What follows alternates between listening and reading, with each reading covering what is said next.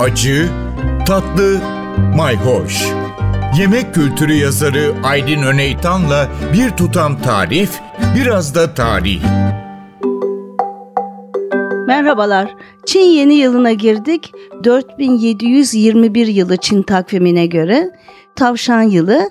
Eski Türk takvimine göre de tavşan yılındayız. Her yıl o hayvanın özelliklerini taşıyor. Geçen sene kaplan yılıydı, gelecek sene ejderha yılı.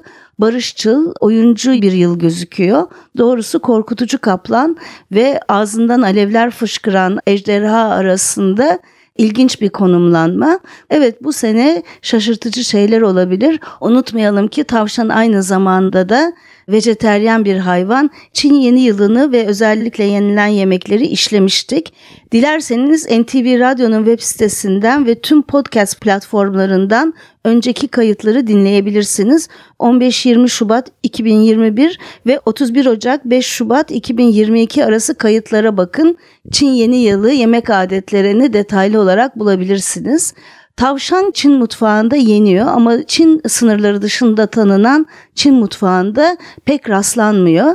Aslında bizim mutfağımızda da rastlanıyor. Örneğin Osmanlı'da tavşan yahni var.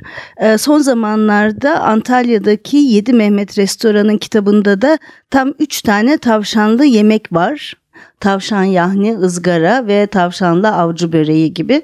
Ama ben size tavşan yemeklerinden değil baharatlardan bahsetmek istiyorum. Çin'den Anadolu'ya kadar ulaşan baharatlardan.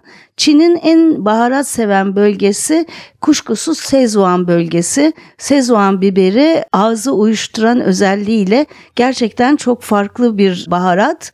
Szechuan bölgesini de epik tiyatronun öncüsü Alman yazar Bertolt Brecht'in e, Szechuan iyi insanı oyunundan hatırlayacaksınız temel insani bir meseleyi ele alır, parayı merkeze alan ve paranın yarattığı değerleri kutsal kabul eden, çığırından çıkmış bir dünyada nasıl iyi bir insan olunur diye sorgular.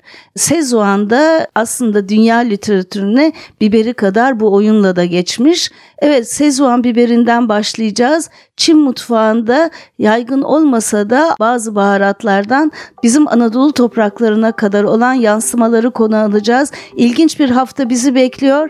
Takipte kalın, hoşça kalın.